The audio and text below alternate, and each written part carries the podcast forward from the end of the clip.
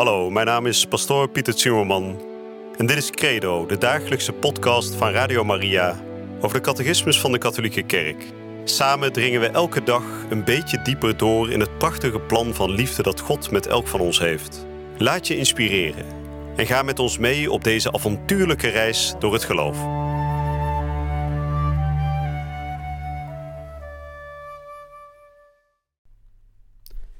Vrienden, welkom terug bij de podcast Credo. De podcast waarin we elke dag een klein stukje uit de catechismus doornemen. En deze dagen, als u het gevolgd hebt, dan weet u dat we bij Maria, de moeder van God, zijn aanbeland. We zijn het stukje uit de geloofsbeleidenis aan het behandelen, waarin we uitspreken die ontvangen is van de Heilige Geest, geboren uit de maagd Maria. En geboren uit de maagd Maria, wat betekent dat? Nou, het betekent heel veel. We hebben er de afgelopen dagen al volop over gesproken. Het betekent natuurlijk dat de oorsprong van Christus in het hart van de Vader ligt. Hè? De drie eenheid, eeuwig, vanaf eeuwigheid waren zij al samen. Maar in de tijd heeft een van de drie goddelijke personen geboren willen worden. En Jezus Christus is geboren uit een vrouw, uit een mens. En dat betekent dat hij een menselijke natuur heeft. Maar is ook verwekt, om het zo te kunnen zeggen, door de Vader. En dat betekent dat hij ook een goddelijke natuur heeft, geboren uit de Vader. Dat betekent overigens niet dat de vader ouder zou zijn dan de zoon, hè, want deze verwekking, deze geboorte vanuit de vader is in eeuwigheid gebeurd. Hè. Dus je zou kunnen zeggen, ze zijn alle drie even oud, hoewel dat ook weer niet helemaal klopt, want tijdsaanduidingen zijn op de drie personen van de drie eenheid van God natuurlijk niet van toepassing. En ze zijn alle drie even eeuwig, zo zou je het kunnen verwoorden. Nou, we gaan vandaag nog wat meer spreken over Maria. We hebben gehoord over de maagdelijkheid van Maria en vandaag gaan we horen wat het betekent dat ze altijd maagd is. En we gaan ook horen welke plaats de moeder van God heeft in het helsplan van de Heer. Betekent dat we gaan spreken over het maagdelijk moederschap van Maria in het plan van de Schepper. En voordat we daartoe overgaan, zal ik weer eerst zoals gebruikelijk bidden. En omdat vandaag de laatste dag is dat we voorlopig over Maria als moeder van God spreken, zal ik ook nu het weesgegoed bidden. In de naam van de Vader en de Zoon en de Heilige Geest. Amen. Wees gegroet Maria, vol van genade. De Heer is met u. Gij zijt de gezegend onder de vrouwen, en gezegend is Jezus, de vrucht van uw schoot. Heilige Maria, Moeder van God, bid voor ons zondaars, nu en in het uur van onze dood. Amen. Ik behandel vandaag de nummers 499 tot en met 507. Maria altijd maagd. De verdieping van het geloof in het maagdelijk moederschap heeft de kerk ertoe gebracht de werkelijke en blijvende maagdelijkheid van Maria, zelfs bij het baren van de mens geworden zoon van God, te beleiden. Immers de geboorte van Christus heeft de maagdelijkheid van zijn moeder niet verminderd, maar geheiligd. De liturgie van de kerk viert Maria als de Ei Parthenos, de altijd maagd.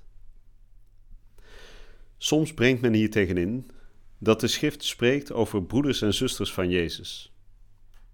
De kerk heeft deze passages altijd zo verstaan dat hier geen andere kinderen van de maagd Maria worden aangeduid. Immers Jacobus en Jozef, broeders van Jezus, zijn de zonen van een Maria en leerlingen van Jezus, die veelbetekenend aangeduid wordt als de andere Maria. Het betreft naaste verwanten van Jezus, overeenkomstig een uit het Oude Testament bekende uitdrukking. Jezus is de enige zoon van Maria. Maar het geestelijk moederschap van Maria strekt zich uit tot alle mensen die hij komen redden. Zij baarde de zoon die God gemaakt heeft tot de eerstgeborene onder vele broeders. Dat wil zeggen gelovigen, aan wie geboorte en vorming zij met moederlijke liefde meewerkt. Het maagdelijk moederschap van Maria in Gods helsplan. De blik van het geloof kan in het licht van het geheel van de openbaring de mysterieuze redenen ontdekken waarom God in zijn helsplan gewild heeft dat zijn zoon geboren werd uit een maagd. Deze redenen betreffen evenzeer de persoon en de verlossende zending van Christus, als het aanvaarden door Maria van deze zending voor alle mensen. De maagdelijkheid van Maria toont dat God bij de menswording geheel en al uit eigen beweging het initiatief genomen heeft. Jezus heeft slechts God als Vader.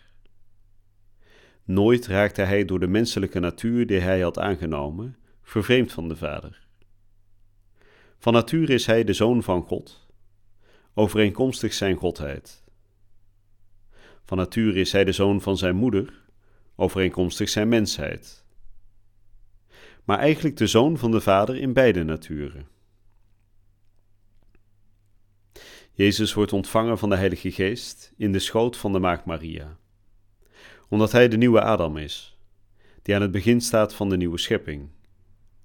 De eerste mens uit de aarde genomen is aards, de tweede is uit de hemel. De mensheid van Christus is vanaf de ontvangenis vervuld van de Heilige Geest. Want zo mateloos schenkt God zijn geest. Het is uit de volheid van Hem, hoofd van de verloste mensheid, dat wij genade op genade ontvangen. Jezus, de nieuwe Adam, staat door zijn maagdelijke ontvangenis aan het begin van de wedergeboorte van de door het geloof in de Heilige Geest aangenomen kinderen. Hoe zal dit geschieden? De deelname aan het goddelijk leven komt niet voort uit bloed, noch uit de begeerte van het vlees of de wil van een man, maar uit God. Het ontvangen van dit leven is maagdelijk, want het wordt geheel door de geest aan de mens geschonken. Het bruidskarakter van de menselijke roeping in zijn verhouding tot God komt volmaakt tot vervulling in het maagdelijk moederschap van Maria. Maria is maagd omdat haar maagdelijkheid het teken van haar geloof is, dat door geen enkele twijfel geschonden werd, en het teken van haar onverdeelde overgave aan de wil van God. Juist dit geloof laat haar de moeder van de Verlosser worden Maria is gelukzaliger omdat haar, omdat haar het geloof in Christus geschonken wordt, dan omdat zij het vlees van Christus ontvangt. Maria is maagd en moeder, want zij is het beeld en de meest volmaakte verwezenlijking van de kerk. De kerk wordt door het woord van God, dat zij in geloof aanvaardt, eveneens moeder. Want door de prediking en het doopsel brengt zij, tot een nieuw onsterfelijk leven, de kinderen voort die van de Heilige Geest zijn ontvangen en uit God geboren. Ook zij is maagd. Zij bewaart de aan haar bruidegom beloofde trouw, gaaf en zuiver. Nou, dat was weer het laatste stukje, nummer 507. We hebben weer een paar belangrijke punten gehoord, namelijk dat Maria altijd maagd is. Hè? Dus op het moment dat zij in haar schoot de Heilige Geest ontvangt, is ze maagd. Bij het baren van de Zoon van God is ze maagd gebleven, maar ook daarna heeft ze nooit andere kinderen gekregen. En hier wordt ook een belangrijk antwoord gegeven op degene die beweren dat Jezus broeders en zusters zou hebben. Omdat dat in het evangelie zou staan, nou, dan wordt duidelijk gesproken over de broeders van Jezus als zijn bloedverwanten, maar niet rechtstreeks zijn broers en zussen. Dus neven en nichten, zoals bijvoorbeeld Johannes de Doper ook een neef was van de Heer. En we horen dat omdat de Heilige Schrift zelf spreekt over bijvoorbeeld Jacobus en Jozef als de broeders van, Je van Jezus. En dan zijn het de zonen van een Maria die wordt aangeduid als de andere Maria. dus niet de moeder van God, maar een andere Maria die ook kinderen had. En nou, dat zijn dus uh, bloedverwanten van Jezus, de broeders van Jezus worden die zo genoemd. En dan wordt er gesproken over iets heel belangrijks, namelijk over Maria is moeder gebleven. Hè? Ze is natuurlijk moeder van de Zoon van God Jezus, maar ook daarna zal ze moeder blijven van alle verloste kinderen. Dus iedereen, en daar zullen we ook uitgebreid nog op terugkomen, iedereen die verlost wordt door het doopsel, die een geestelijke geboorte ondergaat in het doopwater, zal Maria tot moeder krijgen. En daarom is zij ook het meest volmaakte beeld van de kerk. Daar eindigt de catechismus vandaag mee. En ik herhaal dat nog even kort een, een stukje van. Daar wordt namelijk gezegd: De kerk wordt door het woord van God, dat zij in geloof aanvaardt, eveneens moeder. En daarin lijkt de kerk dus op Maria zelf. En dan gaat de catechismus door. Want door de prediking en het doopsel brengt zij tot een nieuw onsterfelijk leven de kinderen voort die van de Heilige Geest zijn ontvangen en uit God zijn geboren. Ook zij is maagd, zij bewaart de aan haar bruidegom beloofde trouw, gaaf en zuiver. dus dit gaat over de kerk, de bruid van God, waarvan Maria het perfecte beeld is. En daar wordt gesproken over de kinderen die worden voortgebracht, die van de Heilige Geest zijn ontvangen en uit God zijn geboren. Dus dit gaat over alle gedoopten. De mensen die door het doopwater heen gaan en die op die manier worden geboren tot kind van God. Een, zuiver, eh, een zuivere geboorte, een onbevlekte geboorte. Dus alle kinderen die verlost worden door het doopsel ehm, delen in diezelfde maagdelijkheid van Maria, die we in het beeld van de kerk heel duidelijk terug zien komen. Nou, dat was het weer voor vandaag. Ik wens u een goede en gezegende dag toe. En bij de volgende uitzending gaan we de afgelopen paragrafen even kort samenvatten met het blokje in het kort. Je luisterde naar Credo, de dagelijkse podcast van Radio Maria over de catechismus van de Katholieke Kerk. Credo is iedere werkdag te beluisteren op Radio Maria. Maar je kunt de afleveringen ook in je eigen tempo terugluisteren op onze website, in de app of op Spotify en de andere platforms.